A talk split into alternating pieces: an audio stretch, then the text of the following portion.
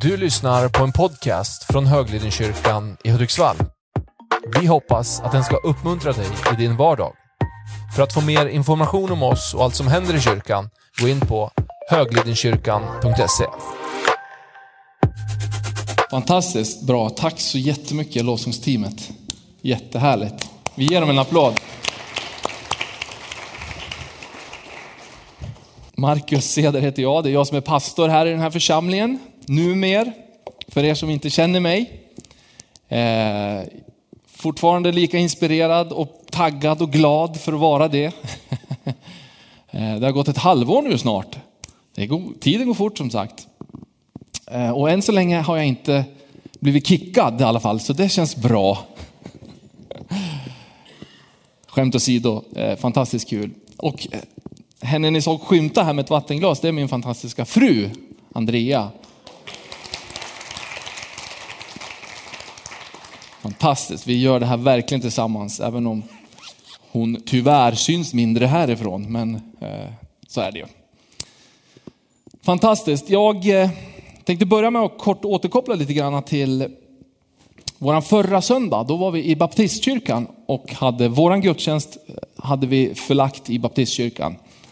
Det var en jättehärlig söndag, fin gemenskap och man känner att vi står verkligen tillsammans Eh, i, som en enad kristenhet, vi och baptistkyrkan, även andra kyrkor i den här stan. Det är jättefint. Men framförallt skulle jag vilja säga med baptistkyrkan. Jag predikade utifrån eh, Abrahams brunnar. Eh, finns de i, i, i Moseboken att Abraham grävde brunnar, men när han dog så fyllde filisterna igen de här brunnarna. Men Abrahams son då, Isak, han såg det som en viktig uppgift att gräva upp brunnarna igen. Och han valde också att kalla dem vid samma namn som eh, Abraham hade namngett dem till. Då. Och de här brunnarna är viktiga i den aspekten att idag så, eh, en brunn, en vattenkälla, en brunn på den tiden, det var ju liksom en, en livsviktig sak. Det var vatten och det kunde, det kunde försörja i generationer. Abraham förstod ju att vi behöver vattenbrunnar för det kommer kunna försörja generationer av, av våra efterkommanden. Så det var livsviktigt att hitta de här brunnarna. Filisterna ville täppa igen dem för de ville ju inte att Israel skulle vara ett folk och så vidare. Men Isak grävde upp brunnarna igen och så gav jag några exempel på vad en sån här brunn kan vara och framförallt skulle jag vilja säga att det är en bön, att det är bönen. När du sitter där och krafsar och känner att jag, jag ber någonting Eh, så, så, är det som att du gräver upp en brunn. Du kanske ber för, för jag, tog det, jag tog det som exempel att mina, till exempel mor och farföräldrar, min mormor och morfar, de, har ju, de är ju ett par generationer före mig liksom, och, och har ju gått före och, och grävt en brunn som jag kan dricka ur idag. Deras böner är ju, är liksom, jag är ju en del av, av resultatet utifrån deras böner. Och det finns en källa som jag kan dricka ur. Så att de som går före, ni, ni har grävt brunnar till de som kommer efter. Och det är en viktig del att förstå att det, du kanske också sitter här idag. Du vet inte varför kanske, men du sitter här idag för att någon har grävt en brunn åt dig. tänker jag. Och ni som gräver brunnar, ni som, är, ni som ber för människor, det är superviktigt det ni gör och det är inte förgäves. Absolut inte, tvärtom, det är livsviktigt.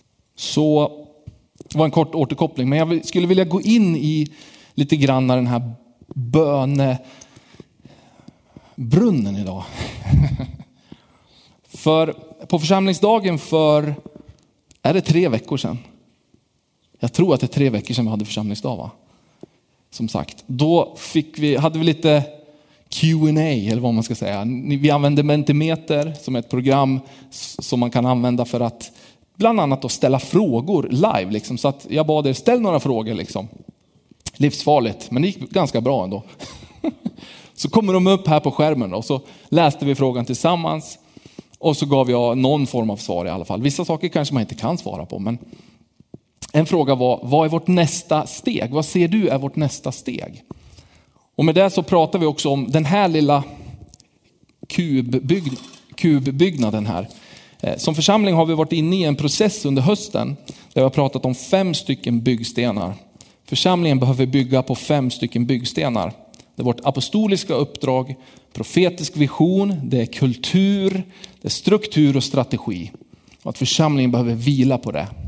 Och den processen pågår för oss och kommer pågå en tid framöver.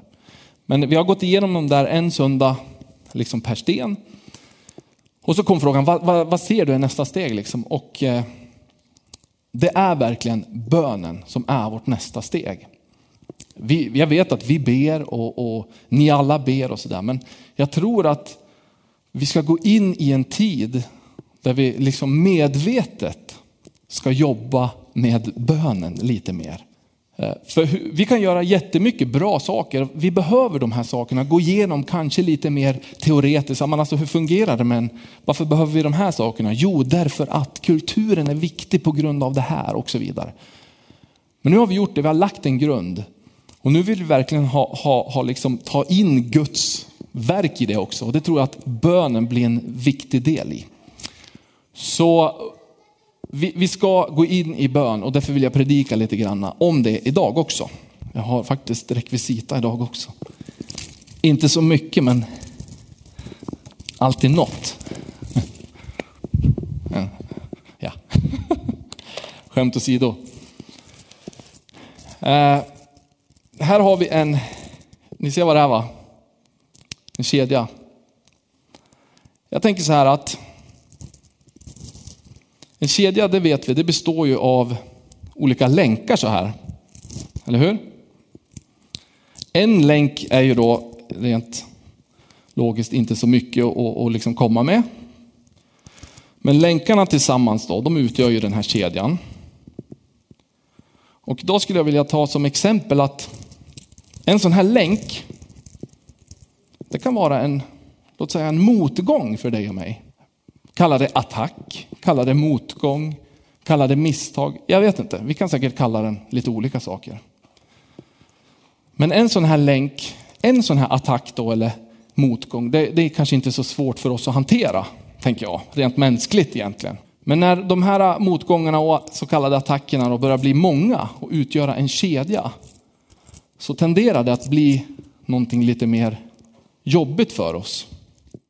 Och när kedjan då också liksom hittar sin funktion i att bli till det den ska bli. Kedjan har ju också ett, upp, ett uppdrag, en uppgift. Så blir det lätt att vi känner oss lite bunden eller fångad i den här kedjan. Eller hur?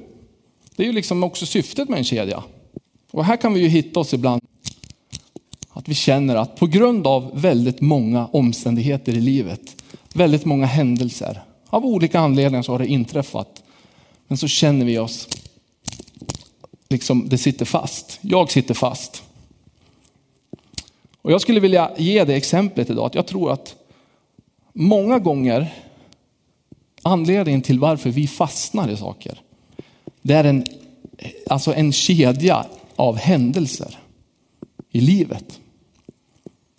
Det är sällan att det är bara en grej enskild grej som gör att du och jag fastnar. Oftast är det ju en länk av saker, en kedja av händelser. Som gör att vi faktiskt hamnar i det här. Och rubriken på dagens predikan, den lyder Böjda knän bryter kedjor. Bland annat i Sri Lanka, där har inte jag varit, men där finns det elefanter. Och elefantuppfödare, de har ju en metod eh, av att faktiskt lura elefanterna när de är små. Elefanter är ju egentligen väldigt starka. Men när elefanterna är små då sätter de sådana här typer av kedjor runt elefantens ben så här. Och så sätter de fast dem. Så när elefanten försöker gå så sitter den fast. Och det här, jag pratar inte nu ur ett djurrättsperspektiv glöm det helt, då, då kommer vi inte komma framåt. nu säger jag bara hur det är, det här är fakta. Så elefanten sitter fast, kopplad fast och, och, sitter verkligen fast när den är ett barn. Vilket gör att den försöker gå men det tar stött och så försöker den gå och så tar det stött Så att den sitter fast när den är barn. Det här blir inpräntat i elefantens liv. att du sitter fast när du har någonting runt ditt ben. När elefanten växer upp så byter de ut det här eh, liksom kedjan till ett rep och så blir det ett snöre. Och när de är stor då är det bara, egentligen räcker det med att de bara hänger någonting runt deras, ett tunt snöre runt deras fot. Så tänker elefanten att han sitter fast, eller hon då. Men elefanten är helt klart lurad. Eh, så där tror jag att sanningen är ju att elefanten bara skulle kunna gå därifrån utan problem. Men den är så pass invand att jag sitter fast när jag har den här runt foten. Eh, så tror jag att det kan vara med oss ibland också. Jag tror att, när vi ska titta lite på bibelord här om en liten stund så finns det ju saker som är sanna som vi faktiskt läser. Som Jesus då har gjort. Men jag tror att vi lurar oss själv många gånger. Med det här. Ja men det här, det här har hänt och det här har hänt och det här har hänt så jag sitter fast i det här. Säg inte att det är så, men ibland tror jag att det kan vara så. Böjda knän bryter kedjor.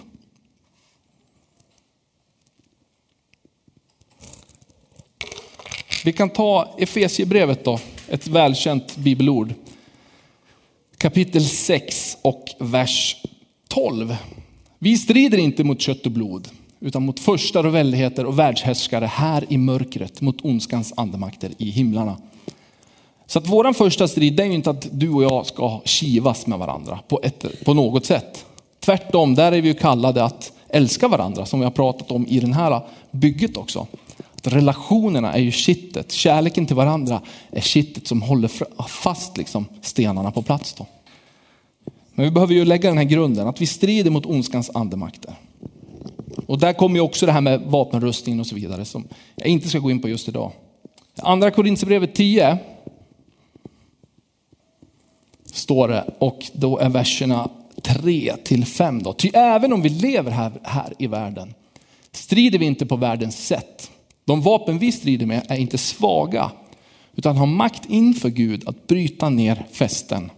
Det här är ju ganska så stora ord kan jag tycka. Du och jag har vapen att bryta ner, strid, att utföra strider och de är inte svaga utan har makt inför Gud att bryta ner fästen.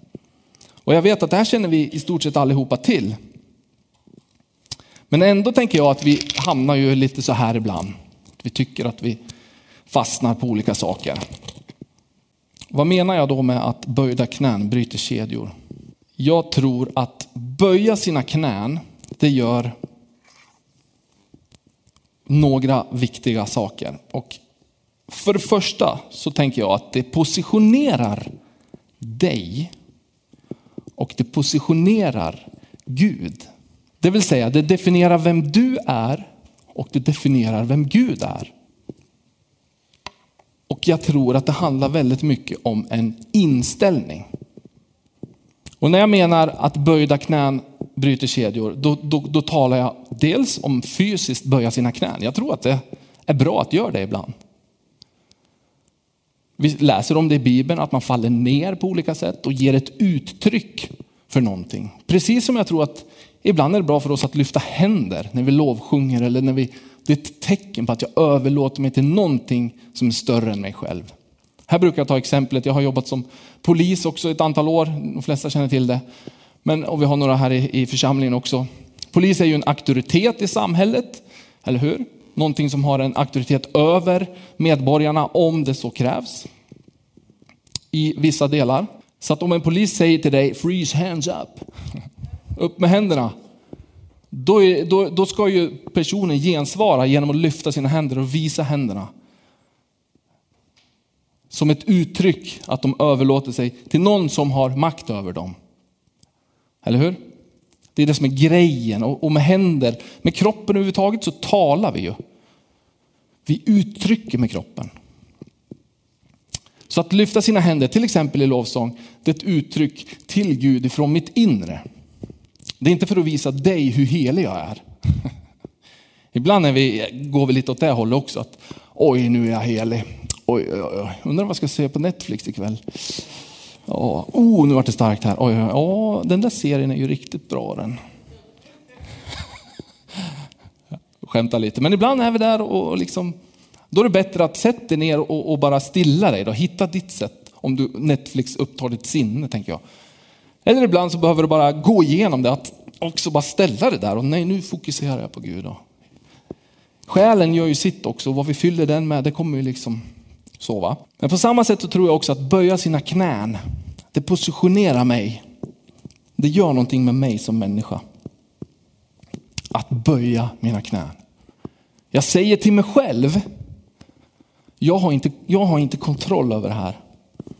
Det är inte jag som är främst, det är inte jag som gör det. Utan jag sätter Gud till att vara auktoriteten att genomföra det men jag kan inte böja knä för jag har stelopererat knäna.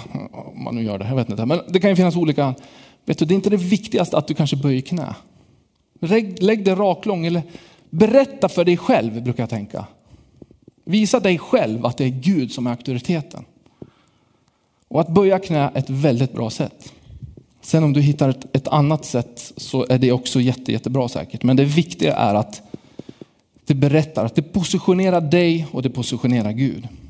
Jag tror också att det finns en viktig poäng i att göra det när kanske ingen annan ser dig eller mig. Det kan vara absolut befogat och ibland vill man göra det offentligt. Absolut, det är inte fel. Men jag tror att i grunden så tror jag att det här är en sån där typisk handling som gör mest när du är ensam och ingen ser dig kanske. Eller att man är i ett litet sammanhang. Och varför då? då? Jo, därför att det gör också någonting med din identitet tänker jag. Bibeln pratar lite om de här hycklarna och att man gör saker offentligt hela tiden och att man är så där helig som man tycker att man borde vara. Men på insidan så blir det ju fel då. Att det blir motsägelsefullt om jag gör saker. Om jag skulle stå här och börja knä varje söndag bara för att, bara för att liksom jag vill visa hur helig jag är. Och det, det blir helt fel. Så det här är en sån där typisk handling tänker jag som, som sker i det dolda. Och det säger någonting om din, det bygger din karaktär, det håller dig ödmjuk och det sätter en prägel på din identitet. Vem är du när ingen annan ser dig? Värdet, man brukar säga så här, värdet på det du gör offentligt beror ju på vem du är i det dolda, tänker jag. Det som jag som pastor gör offentligt, det ska ju bara vara en liten spegling av det jag är i det dolda. Det är där mitt liv pågår egentligen. Sen ska det vara en springa som lyser ut i det offentliga. Som ska liksom sätta värde i det som vi gör offentligt. Då. Ibland kommer de där bakvänt. Att här är jag en karismatisk pingstpastor som liksom, åh, så va. Men så fort jag stänger mina dörrar då liksom, ah, då är det bara liksom karaktären fallerar helt och det är liksom, förstår ni? Det blir ju helt fel och trovärdigheten från er till mig när det här då uppdagas, för det gör det ju förr eller senare. Då raserar det allt som vi har byggt tillsammans. Och tyvärr är det det som händer emellanåt. Så att jag, med det sagt också, kom ihåg att en pastor är bara en människa.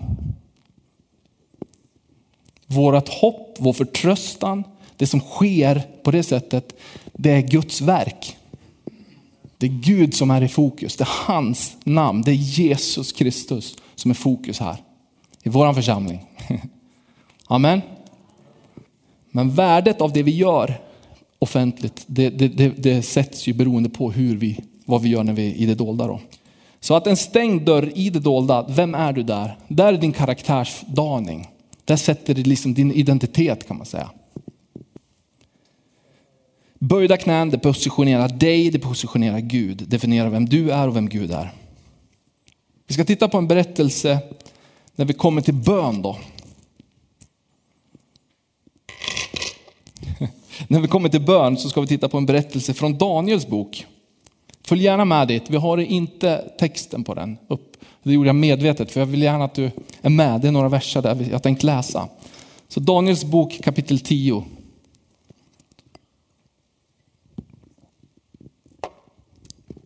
Känns det okej? Okay?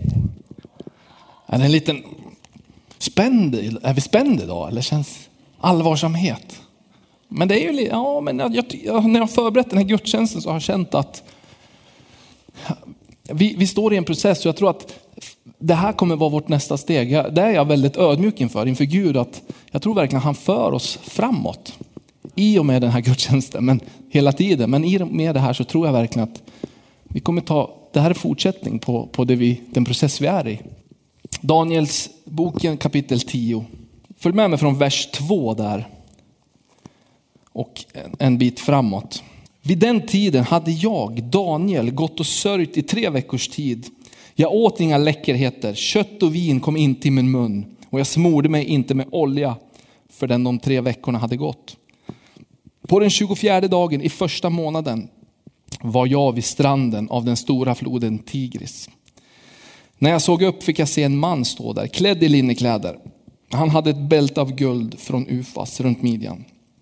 Hans kropp var som krysolit, hans ansikte som en blixt, hans ögon som eldslågor och hans armar och ben som glänsande koppar. Ljudet av hans ord var som ett väldigt dån. Jag, Daniel, var den enda som såg synen. Männen som var med mig såg den inte, men de greps av stark skräck och flydde och gömde sig. Jag blev ensam kvar och när jag såg den mäktiga synen försvann all min kraft. Färgen vek från mitt ansikte så jag blev likblek och jag hade ingen kraft kvar.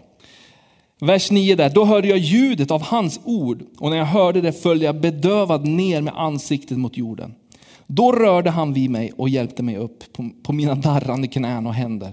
Sedan sa han till mig, Daniel, och nu kommer han nu, lyssna nu. Du högt älskade man, ge akt på de ord som jag talar till dig och res dig upp på fötterna, för jag har nu blivit sänd till dig. När han sa detta till mig reste jag mig bävande upp och, och, och så sa det till mig. Var inte rädd Daniel. Redan från första dagen när du vände ditt hjärta till att förstå och ödmjuka dig inför din Gud så har dina ord varit hörda. Och jag har nu kommit på grund av dina ord. Försten över Persiens rike stod emot mig under 21 dagar. Men då kom Mikael, en av de förnämsta förstarna, till min hjälp. Och Mikael pratar man ju om att det är en ärkeängel då. Och jag blev kvar där hos Persiens kungar. Men nu har jag kommit för att undervisa dig om vad som ska hända ditt folk i kommande dagar, för synen syftar på framtiden. Vi ska ringa in några nycklar här som jag tror är viktiga. Den här ängeln som Daniel får möta, han säger redan från första dagen har dina ord blivit hörda. Är det någon här inne som känner att de har bett och bett men inte upplevt bönesvar. Det kan vi alla skriva under på. Men utifrån den här bibeltexten, utifrån det vi har läst i Efesierbrevet och, och, och andra Korintierbrevet, så uppenbarligen är det ju så att det sker någonting i det som Bibeln kallar himlarymderna, när du och jag ber. Och det här är ju konstigt och svårt för oss i Sverige kanske att ta till oss. För vi, vi ska förstå väldigt mycket. Men vi kommer nog inte kunna förstå det här fullt ut. Men vi vet det att när vi ber, när du ber, när dina ord går ut så hör Gud och, och sätter, någonting, sätter igång någonting. Himlen kommer i rörelse när du och jag börjar be, tänker jag. Men det är ju ganska viktig poäng som han säger där också, den här ängeln, att när du ödmjukade dig och vände ditt hjärta till att förstå och ödmjuka dig inför Gud så det är också en liten nyckel i att, i att be, tänker jag. Att ödmjuka oss, kanske böja våra knän och säga att du Gud sitter på tronen. Det är inte jag i min egen kraft. Jag tänker så här, när vi är här då med den här kedjan. Ganska, ganska rejäl kedja. Jag har haft den här som cykellås faktiskt. Ja, så ni vet. Och så håller vi på med våra egna grejer. För att, för att liksom demonstrera vår egen kraft här nu så har jag en sax också. Då. Det kommer kanske inte vara så bra efter det här. Men... Så försöker vi, ja men den där, den där händelsen, eller vi försöker bli av med den här kedjan och hittar olika grejer, lösningar tycker vi för att försöka få, få bukt med den här kedjan. Då. Och i egen kraft håller vi på så här och vi tycker att och det borde och jag har rätt och det var den personen och det var si och det var så. Men nej, Gud, så bygger vi kanske egna teologier eller bibelord, hittar på, höll jag på att säga. Men och så jobbar vi så här i egen kraft. För att försöka bli av med den här liksom, kättingen här då. Och vi blir irriterad och irriterad för den här ängen och det här bönesvaret det dyker inte upp. Framförallt inte som det gjorde för Daniel kanske. Men när vi då ber utifrån, liksom, för Bibeln också på ett annat ställe säger att ni ber fel. Så att det finns ju någonting i det där att hur vi ber och utifrån tänker jag då vilket hjärta ber du? Vad, vad är grunden i din bön? Men när du ber, när dina ord går ut så blir de hörda. Det är grunden i det här. Vi sätter himlen i rörelse. Och vi ska inte gräva allt för djupt i det, utan vi ska se det och vi ska ta det och vi ska vara medvetna om det. Att när du och jag ber, då händer det saker. Det är grunden. Det står också i Lukas evangeliet, visst hade vi det? 10 och 19 att den klassiska, jag har gett er all makt. Eller jag har gett er makt att trampa på ormar och skorpioner. Och att stå emot fiendens hela välde. Ingenting ska någonsin skada er. Det här är också ett stort bibelord, ett starkt löfte som Jesus talar till oss. När vi använder den auktoritet som Gud faktiskt har gett oss så händer det saker. Jag brukar, utifrån den där berättelsen brukar jag tänka, vad hade hänt om Daniel gav upp efter 20 dagar? Om han bara struntar, om han var lika otålig som vi är idag. Om man ber om något specifikt kanske, jag vet inte. Vad hade hänt då? Det vet vi ju inte, men jag tror att det hade nog påverkats det som hände då i himlarymderna. Som det står om. Så när du gräver de här brunnarna av bön, ge inte upp utan fortsätt. Abraham, det stod att han grävde brunnar eh, och att det var väldigt kostsamt och det krävde ganska mycket för att få, upp, få tag på en sån här källa, vattenkälla. Men den investeringen som han gjorde i energi och resurs visste han att det här är mer än bara för mig, det här är för kommande generationer. Så att vårt starkaste vapen att strida i anden med, och det är genom bön och våra ord. Amen. Det är huvudpoängen i det här. Och när det kommer till den här kedjan då, så är det faktiskt så i det här fallet att det här låset ser ju kanske skrämmande ut, det kommer aldrig liksom funka. Men om man börjar titta på den här så finns det en liten eh, specialgrej här. jag ska prata, säga det. Att man kan faktiskt se att nej, men det var ju inte så farligt det där. Jag behövde ju inte ens låsa upp låset, det var bara en skrämseltaktik att det satt ett hänglås där. det är nämligen så en karbinhake på den här. Då. Så jag är ingen, jag är ingen magiker. Men är ni med? Det, många gånger handlar det om det att du och jag vi tänker att vi måste stånga oss lös. Vi måste ta allt vad vi har och kan och så ska vi stånga oss lös. Men kanske är det att vi ska böja våra knän och ödmjuka oss, inte vet jag. Och hitta den här ödmjukheten inför Gud. Och förtrösta på honom. Så kanske sanningen kommer fram att jaha, fanns det en karbinhake som man bara kunde haka upp den där. Och så kan vi låta den här kedjan bara släppa från oss och, och, och så får den försvinna ur mitt liv helt enkelt. Alla de här händelserna, allting som var så hemskt. Det tror jag på, på ett eller annat sätt kan Gud bara ta bort det. Men det är det jag menar med att jag tror att böjda knän bryter kedjor. Vi tänker ofta att det ska vara en slägga eller starka saker och det sker ju egentligen. Men det du och jag gör, det är ju de principer tänker jag som Bibeln lär oss också.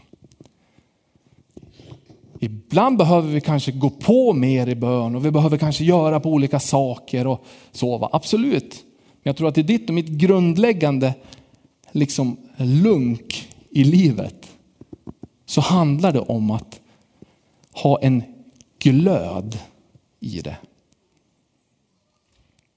Vi vill ha en stor eld, vi vill att det ska brinna, det vill vi. Och det är bra när det gör det. Men jag tror att när vi kan få en glöd som församling, som alltså individer, när du har en stark glöd på insidan av dig, så kommer det göra någonting med dig och med din omgivning. Jag, när, jag, när jag förberedde det här så kom jag liksom väldigt snabbt att tänka på grillning. när jag tänkte på glöd. Då. Jag gillar grillning. Jag gillar att grilla. och där är det ju så att den bästa tiden för köttet. Jag, jag kör för övrigt med kol, kolgrill då, eh, oftast. Så, ja. Riktiga grejer. men det bästa tiden för köttet är ju när glöden har fått tagit sig en stund och det är sådär liksom, jag vill ju inte dit med köttet när lågorna står liksom. Det, det, behövs ju brännas ut kanske. Det beror lite grann på hur man, vad man använder för grillmetod va? och hur man startar upp eh, grillen och sådär. Men ofta så föregår väl det av någon form av lågor och sådär och det är ju bra, det behövs. Men det liksom konstanta i det hela, när man faktiskt är där och kan stå där och jobba med det och, och där det ska vara är ju en riktigt härlig glödbädd. Eller hur?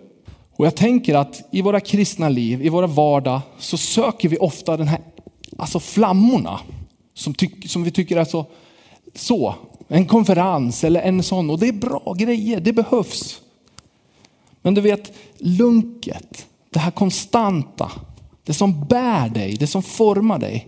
Jag tror att det ska vara en stadig, stabil glöd på insidan av dig och i vår församling. Och ibland så kommer, kommer Gud och bara puff, flammar upp väldigt starkt på olika sätt. Vilket vi tar med oss, vilket vi bär med oss. Det kanske för oss in i ny, en ny tid på något sätt eller någonting. Men bli inte förskräckt när det blir glöd. För det är det som är det konstanta för oss. Det är min bild av det här.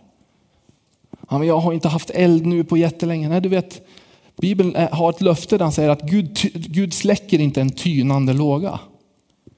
Så om du upplever att din glöd är sådär bara pyr idag, låt säga ditt böneliv eller mitt böneliv. Att det är, är lite kol som det bara ryker lite från sådär. Vet du, jag har bilden idag av att Gud vill bara blåsa till på det där. Så att det får bli glöd igen. Och vi kanske behöver lägga till lite kol idag. För det behöver man göra med jämna mellanrum. Vi behöver lägga på lite kol så att glöden får fortsätta. Det är min bön med den här gudstjänsten. Och jag tror att vi som församling har en glöd, men jag tror att, vi ska, att det är tid för att addera lite kol och lite mumma på den här glöden. Så att det får ta en ny liksom, värme och det kan liksom grilla köttet så där fantastiskt perfekt bra. Så att när det kommer en riktig råbiff i närheten av dig och mig, då blir de så där varm och god och härlig och, och, och uppvärmd på insidan. Alldeles perfekt köttbit. Jag tror att ni förstår kanske min bild av det hela. Det är verkligen det som Gud har lagt på mitt hjärta för den här gudstjänsten. Och dina ord har betydelse. Din bön har betydelse.